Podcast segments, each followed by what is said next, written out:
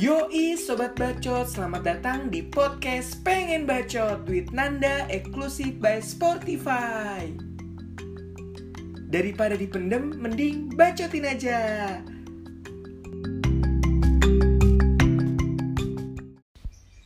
Hai, selamat siang. Hari ini gue ditemenin sama sahabat gue dan pasangannya Yang baru deket sekitar 4 bulan Dan akan merencanakan pernikahan Sedikit cerita, waktu itu gue dan Niko lagi lihat-lihat rumah di Sentul. Terus akhirnya gue bilang sama Niko, ada nih kali Ciko, cewek Sentul. Terus akhirnya kita ketemu. Ya udahlah, mungkin tanpa basa-basi langsung aja kali ya. Kita langsung tanya-tanya. Kenalin dong, namanya siapa? Ya, perkenalkan nama gue Muhammad Niko Prajanto, biasa dipanggil Niko. Gue nih teman SMP-nya Nanda. Nama gue Ralista, tapi biasanya orang-orang panggil gue Rara. Hmm. Gue di sini sebagai uh, pasangannya Niko, temennya Nanda juga. Yoi. Oke, nah ini gue mau bahas kan lu kan eh, minggu depan kan menjalani eh, pertunangan. Iya, ya kan di mana kan gue juga ada di mana tahu saksi hidup lu berdua gitu loh di mana yang kayak ketemu Agustus ya kan sampai sekarang bulan Desember lu mau menentukan untuk tunangan. jenjang ke pernikahan Iya. kesiapan kalian untuk eh, pernikahan gitu untuk saya sendiri dan menurut kalian tuh pernikahan itu seperti apa sih Gimana sayang? Menurut kamu apa? Kalau gue, menurut gue nih, kenapa nih gue pengen nikah? Itu karena nikah itu, pernikahan itu tuh untuk menyempurnakan agama. Hmm. ada yang bilang kalau misalnya uh, dia udah rajin sholat, rajin ngaji segala macem itu kehitungannya Hmm. agamanya tuh masih 50%. Hmm. Nah, untuk menyempurnakan agama itu, itu katanya pernikahan. Hmm, hmm, hmm. Nah, jadi gua ini nikah ini tuh ya bukan sekedar gue sayang dan cinta sama Niko, tapi gue juga mau menyempurnakan agama gue bareng Niko. Hmm, hmm. Oh, kayak gitu. Tapi kan kita kan juga bisa kita lihat nih, lu umur berapa kan? Hmm. Sorry. Eh, 21. Lu umur 21, Niko umur 23 tahun ya kan. Di mana yang masih usia muda ya Iya. kan. Langsung kayak kepikiran untuk menikah gitu kan. Kita bertiga ketemu nih bareng-bareng nih. Mm-mm. Terus habis itu ya udah gue pulang terus habis itu kan lu masih kayak anget-angetnya tuh ketemu setiap hari nih apa yang lu membuat lu yang kayak mau ketemu kayak setiap hari itu sama Niko Sebenarnya awalnya awalnya itu nggak ada apa-apa, nggak ada pikiran sama sekali Mm-mm. mau nikah atau mau serius gitu nggak ada sama sekali awalnya. Mm. Kayak cuma pure ya main aja gitu kan. Mm. Cuma ya seiring berjalannya waktu kita ini banyak menemukan kecocokan-kecocokan itu. Jadi eh, ya udah ya udah kenapa enggak gitu buat ke yang lebih serius lagi. Hmm, kalau dari lu sendiri gimana Mo? Awalnya sih kan karena gue dikenalin sama lu nih ya kan. dan single juga ya? Dan single juga gitu. Dan kebetulan juga yang nggak nggak ada lirikan kiri kanan gitu. Hmm, hmm, hmm. Cuma fokus sama si Ralista aja gitu Hmm, kan. hmm, hmm. Nah di situ ya di awal sih gue udah tekenin gitu ketika awal kita ketemu nih bertiga gue juga udah tekenin nggak nggak nggak ada gue kepikiran untuk pacaran gitu Nanda sendiri tahu gue kan gitu gue tuh tipe cowok yang nggak mau kalau effortnya cuma dari gue doang gitu Iya. gue mau ada effort dari lawan jenis gue juga gitu kan Dan for your information, Niko rumahnya di Bangka Jakarta Selatan. Nih Dia si Rara Sentul. ini di Sentul gitu. Sentulnya kayak- juga sentul di gunung. Iya. Dan yang dimaksud sama Niko, lu juga ada effort untuk datengin ke rum eh, ke sana, ngejemput kayak gitu. Mas Iya. mungkin maksudnya yang kayak oh kayaknya seru nih kayak setiap hari.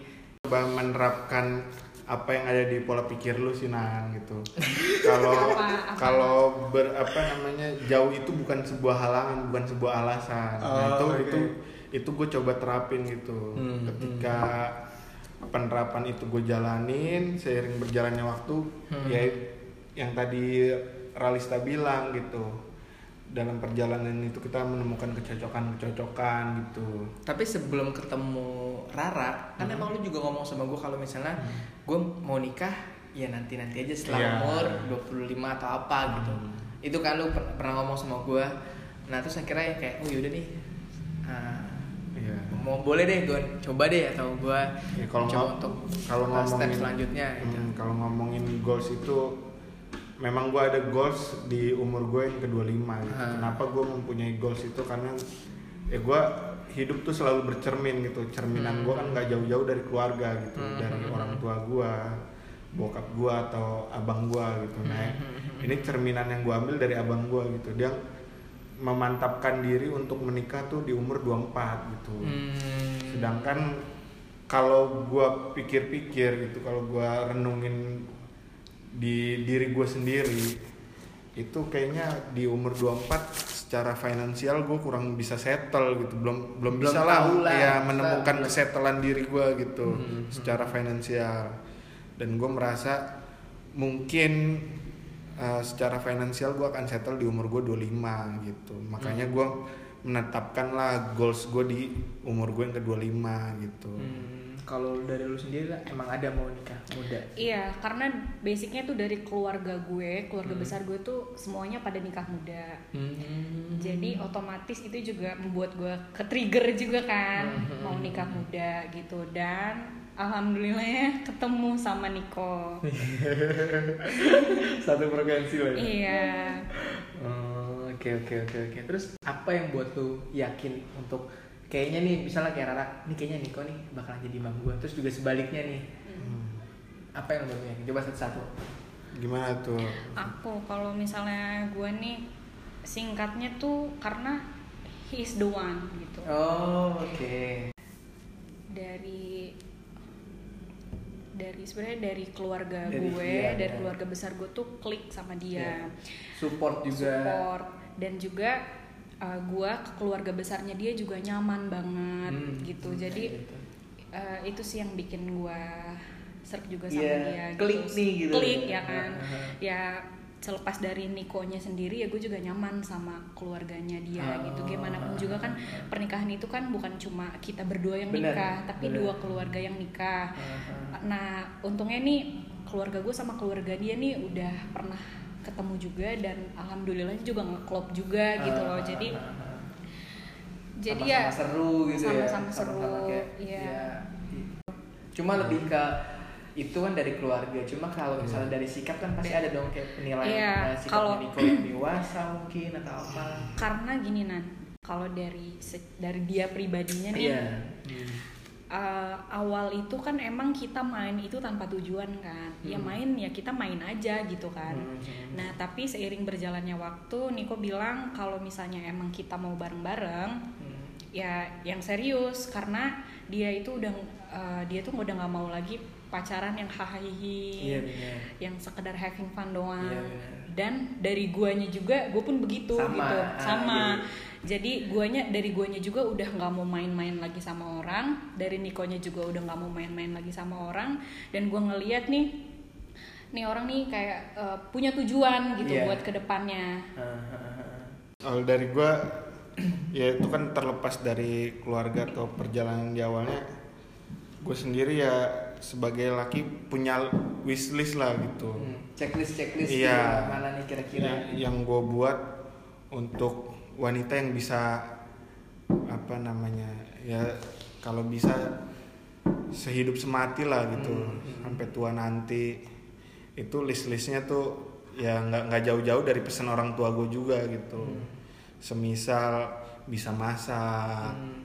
aware sama rumah gitu kan dan dari sikap pun gue juga suka sih sama si Rara nih gitu karena selain list-listnya itu dia juga Keibuan ya ya, keibuannya keibuan. juga ada gitu Ngomong. dan yang paling tricky buat gue tuh kan terhadap adik-adik gue gitu dan dia gue lihat effortnya tuh sungguh luar biasa gitu Hmm. Makanya gue gue tuh selalu bahagia kalau ngeliat adik-adik gue tuh bahagia gitu. Hmm. Dan ada dulu juga nerima banget. Iya kan? dan adik-adik gue nerima banget gitu kan. Terus juga ya di satu sisi capek gue gitu Hmm. ber berkelana ya kan. Segala macem ombak-ombak udah pernah gue laluin gitu kan. dan tadi nerusin omongannya si Rara kenapa gue selalu ngomongnya mau serius ya karena gue udah pernah sakit hati gitu Benar. ternyata sakit hati itu lebih sakit daripada sakit gigi gitu gue sampai ngejar tuh cewek 2 tahun gue kejar-kejar gitu Sampai Dan, beberapa ya. kali ke rumahnya. sampai ya di mana udah udah udah batas gue lah nih Hmm. udah titik gue udah nyampe sini gitu Hmm. dan jelala ya gua kena covid akhirnya lu ya kan ngenalin gua Ninik buat motivasi gua ngenalin ke Rara ya sampai sekarang lah gitu Hmm. dan bicara masalah step by step ini kayak tunangan yang akan diadakan minggu depan tuh eh, yang pertama tuh faktor utamanya biar adik-adik gue siap gitu Siap dalam siap dalam segi mentalnya mereka gitu. Ketika lu karena tinggalkan- karena mindset yang ada di mereka tuh ketika kakaknya nikah atau keluarganya nikah itu tuh dia akan kehilangan. Nah mindset itu yang pelan-pelan gue perbaikin gitu. Karena gue pernah ada pengalaman pahit lah. Nah dari situlah gue gua improvisasi dengan gue membuat step by step ini gitu.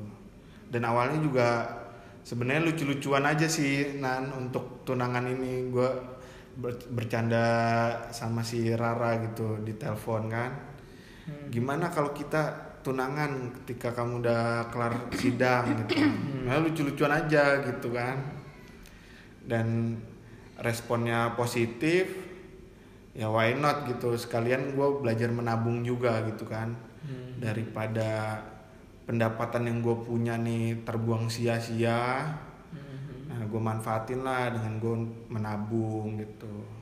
Mengadakan acara ini yang insya Allah tujuannya kan ya selain adik-adik gue siap ini juga ajang Pembuktian. pembuktian gue lah terhadap kedua keluarga gitu. Ke keluarganya Rara ke keluarga gue gitu. Tanda keseriusan gue lah gitu. Ah, tapi kan, tapi kan gini maksudnya kan eh, kita kan masih yang umur yang kayak masih muda gitu. Hmm. kan yang kita pasti tahu kan pernikahan itu kan nggak cuma sehari dua Hmm. hari ataupun yang kayak oh yaudah pernikahan acara resepsi habis itu yaudah gitu. Itu kan pasti eh, banyak eh, prosesnya nantinya atau apa ketika Hmm. misalnya lu udah menentuk- menemukan yang kayak oh yaudah nih eh, ini pasangan gua gitu. Tapi kan sebelum itu kan kayak lu bisa mulai itu kan karena kebentuk mungkin dari mental lu. Pasti kan harus siapin juga. Kalau misalnya nanti tuh pernikahan tuh misalnya contoh kayak lu berantem ngatasinnya gimana? Atau apa sih? Nah apa sih maksud gue yang kayak persiapan lu dalam mempersiapkan mental mental itu? Persiapan mental lah kayak oh yaudah nih gue akan nanti ketika misalnya contoh kayak Niko yang egonya besar apakah dia udah bisa kayak gue ketika misalnya nanti gue yang kayak em, apa ya kayak childish atau apa segala macam gue akan nurunin ego ah atau apa kayak gitu gitu maksudnya persiapan mental apa Paham, yang paham. mungkin lu ituin gitu. Kita nih belajar untuk minta maaf dua-duanya nih maksudnya kayak mau gua yang salah itu tetap kita dua-duanya minta maaf. Hmm. Niko yang salah kita tetap dua-duanya minta minta maaf. Kayak nurunin egonya masing-masing dan kita nggak gengsi untuk minta maaf. Terus apalagi ya kalau menurut gue bicara masalah mental ya. Seiring berjalannya waktu nih yang gue rasain kita nggak boleh nih namanya api ketemu api gitu kan. Ya Nah, ketika ada api tuh harus ada yang jadi air gitu. Semisal ego gue yang lagi tinggi, Rara yang meredam. Atau kebalikannya, si Rara yang lagi tinggi, gue yang meredam gitu. Terus juga kita kita udah udah sama-sama kompakin sih, udah kita komunikasiin masalah jangka panjangnya nih ketika berumah tangga ya. kayak udah diomongin kayak Iya. udah yang harus disiapkan maksudnya contoh Ah. yang megang uangnya siapa nih kira-kira itu udah ada gitu Iya, juga. udah. yang kayak Udah, udah. itu Kita- siapa udah kita bicarain udah bicarain semuanya Iya.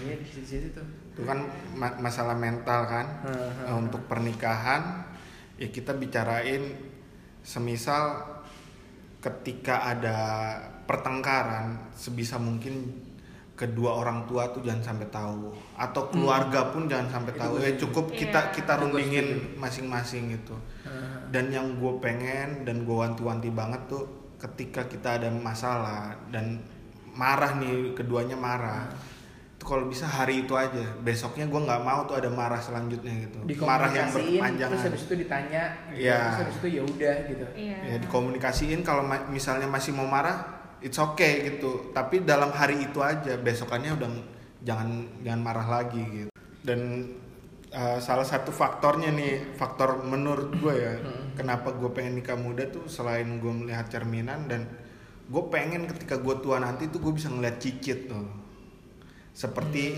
yang gue yang merasakan sekarang tuh. Dia bisa melihat cicitnya gitu. Hmm. bisa merasakan sampai hidupnya tuh bisa melihat cicit. Kan nggak nggak banyak orang yang bisa seperti itu gitu Kalau ngomong sama gue kan kita kita bisa berencana untuk plan ke depan, tapi kan kita juga mesti melihat track record belakangan. Nah, lu pasti kan juga ketika misalnya memilih Rara, Hmm. pasti kan ada bibit bobot bibit bobotnya Hmm. belakang belakangnya si peristiwa Rara. Nah, ketika misalnya Rara menceritakan masa lalunya atau apa, lu kayak udah fine terima terima aja, lebih fokus ke ya udah lu masa depan sama gue gitu. Apa yang kayak Hmm. oh Rara nih bagus nih mulai dari bibit bobot bibitnya gitu. ya di satu sisi kadang namanya manusia ya adalah rasa "Ah, anjingnya lu bisa begitu gitu kan. Istilah katanya gitu. Cuma kebanyakan yang gue ambil tuh gue gue nggak nggak melihat masa lalunya gitu. Gue melihat ke depannya apa sih yang dia pikirin gitu. Setuju. dan itu yang selalu jadi pembahasan kita sih. Kita selalu bahas tentang ke depannya bukan ke belakang gitu. Iya. Jadi nggak boleh terlalu banyak yang Iya. ke belakang. Iya. Nanti nabrak. kalau kalau kita mendengar quotes tuh kan ada quotes yang berbunyi Coba. kayak lu naik mobil gitu yang melihat kan kaca depan ya bukan kaca spion. Spion. maka dari itu kaca spion lebih kecil daripada kaca depan gitu Oke oke. Berarti uh, dengan tunangan minggu besok ini sebagai step untuk Iya. agak seriusnya lu sama Ah. Rara untuk saling mengikat gitu. Iya, Terus one rencana- step closer. Terus rencana kalian untuk buat pernikahannya sendiri kapan? Dari misalnya Ah. 1 Januari 2022. 23 dong. 2022 kan kita tunangan. Iya, kalau tar rencana. target gua gitu cuma seiring berjalannya waktu kita ngobrol-ngobrol why not kalau kita nabung hanya setahun aja gitu Hmm. nggak lebih cukup 12 bulan at least kan tuh dari kita tunangan tanggal 1 Januari nanti nih Hmm. lebih tepatnya minggu depan kan itu kita masih ada kesempatan lah untuk menabung selama 12 bulan gitu Hmm. nantinya kita akadnya mungkin di awal tahun 2023 berarti bulan Januari gitu otomatis lamaran bisa Akhir di tahun. November atau Desember gitu Hmm. Planningnya sih seperti itu Planningnya gitu. Tapi kalau dari lu sendiri lah, Iya, ya emang kita planningnya awal begitu. Oh lu Kita juga kalau lu nggak maksud gue gini kan itu kan kemauan Niko tanggal 25 Kemauan kita. Kemauan lu juga? Iya, Kalau gue karena berarti lu nggak nggak nggak maksa yang kayak misalnya nggak maksa. Oke, Juni tahun depan nih. Nggak maksa. Oh, Ya lu kita juga kalau bisa tahun depan, ya maunya tahun depan. Oh, Cuma kita banyak berencana Tuhan berkehendak lah. Iya, pokoknya. cuma banyak pertimbangan-pertimbangan. Yang pertama ya gue juga kan gue belum lulus kuliah nih sekarang gitu Oh. ya kan. Gue nanti sidang itu masih kalau nggak Januari Februari. Gue juga mau ngerasain gue kerja dulu kan. Oke. Banyak pertimbangannya. Terus juga hmm, kita mau nabung bareng-bareng dulu. itu sih nggak ada tuh namanya uh, berpikir mengandalkan. Hmm. itu tuh kata-kata yang selalu gue hindarin gitu mengandalkan A mengandalkan B itu yang yang gue pengen perbaiki dari diri gue pribadi. Dan Rara mungkin juga ingin memperbaiki itu gitu kan. Jadi ya sebisa mungkin gue pengennya ketika kita nikah nanti kita udah benar-benar dewasa dan nggak merepotkan siapa-siapa gitu kepengenannya sih seperti itu gitu makan Ketika misalnya di selalu dipermudah, kayak misalnya Iya. tahun depan mungkin dikasih rezeki yang lebih cukup, yang lebih uh, juga gitu. Nggak menutup kemungkinan Iya. kan? Iya. Ya kan nggak menutup kemungkinan. Berarti ibaratnya sekarang nih lu udah dikomunikasi dari awal, mulai dari mental, mulai nanti kita nanti kalau misalnya rumah tangga kita begini-begini, ketika kita menghadapi masalah harus kayak begini-begini, kita harus berani memaafkan atau apa segala macam. Berarti kan tuh udah udah lu komunikasi dari awal Iya. gitu ya kan. Terus juga nah, ada nggak yang kayak misalnya oh sebelum nikah kita harus buat kayak list-list nih atau apa gitu maksudnya yang kayak perjanjian pranikah atau apa segala macam itu. Menurut lu pandangan lu gimana? kalau dari gue pribadi sih kayak gituan nggak penting ya Hmm. karena lu lu baca dulu nih landasan lu menikah tuh apa karena lu udah trust kan sama orang tersebut gitu Hmm.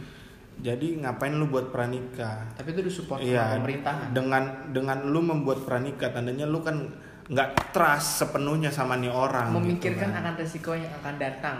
ya itu itu paham juga gua cuma prinsip gue seperti itu aja sih gitu Hmm, buat keren. apa lu nikah kalau lu nggak trust gitu Oke. Ya kalau dari gue sebenarnya sebenarnya gue tuh gue mau bikin perjanjian pranikah Hmm. yang di mana isinya kan gue udah pernah bilang ya nan waktu itu kalau gue tuh takut banget diselingkuhin. Iya benar benar benar. ya kan? Ya gue mau Niko gak selingkuh kok. amin. Ya ya kan ini kan pernikahan ini kan ya serius. Sekali seumur hidup. seumur hidup Ha, gitu kan. gue takut banget tuh diselingkuhin.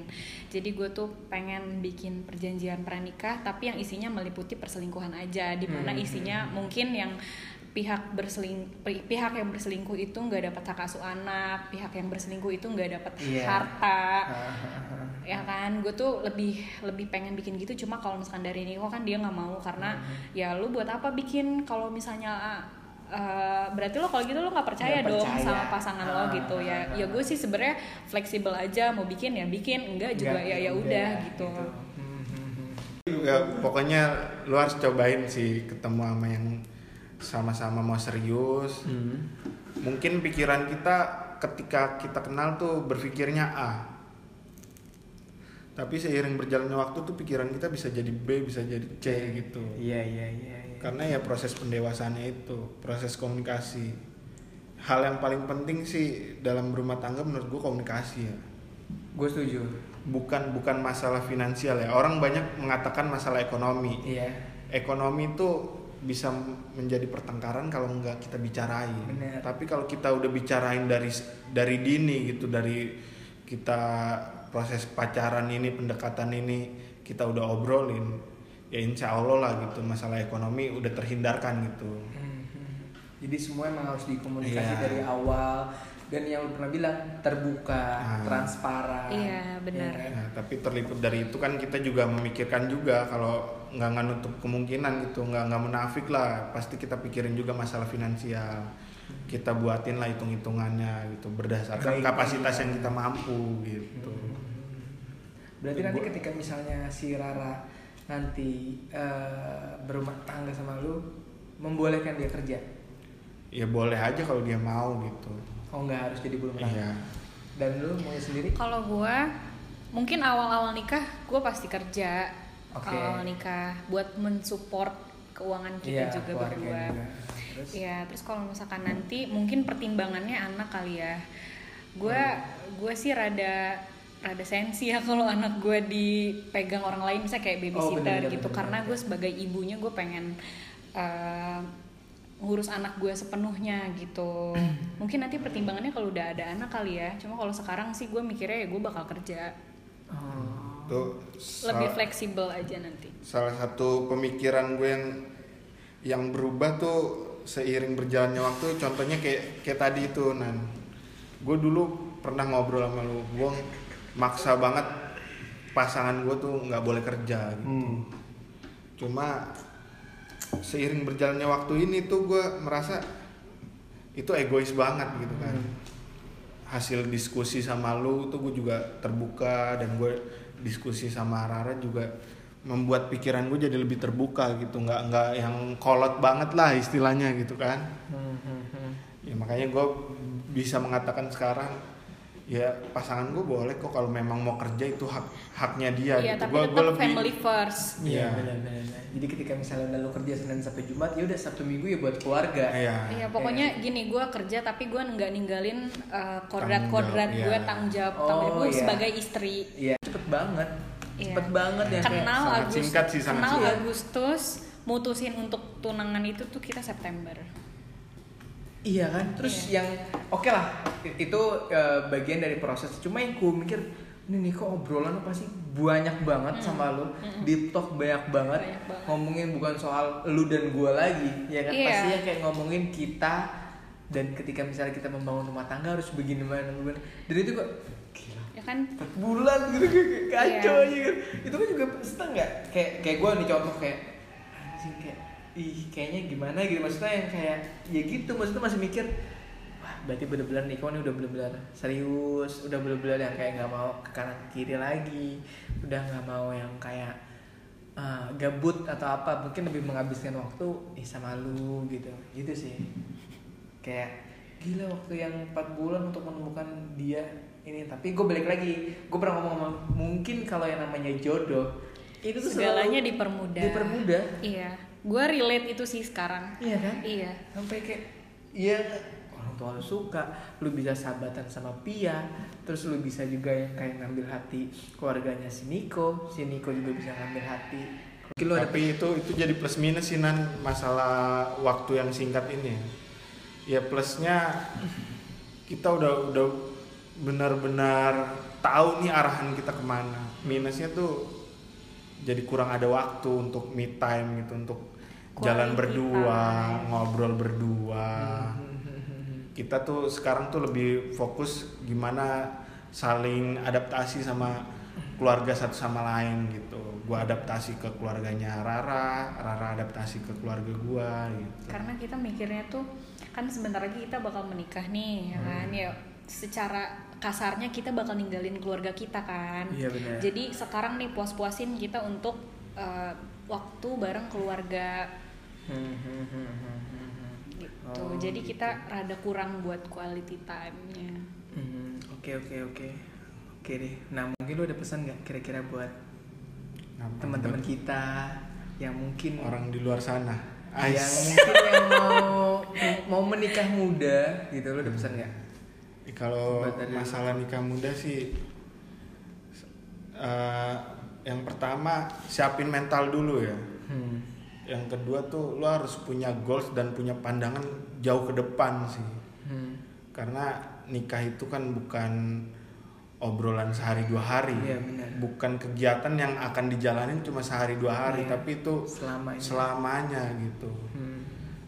Untuk mencari pasangan ya. Kalau untuk mencari pasangan tuh menurut gue ya pasti setiap orang punya kriterianya lah gitu. Hmm, hmm, hmm. ya sebisa mungkin cocokkan dengan kriterianya gitu. Karena itu terus yang akan lu pandangin ketika lu udah nikah nanti gitu. Lu bangun tidur ngeliat dia ya kan?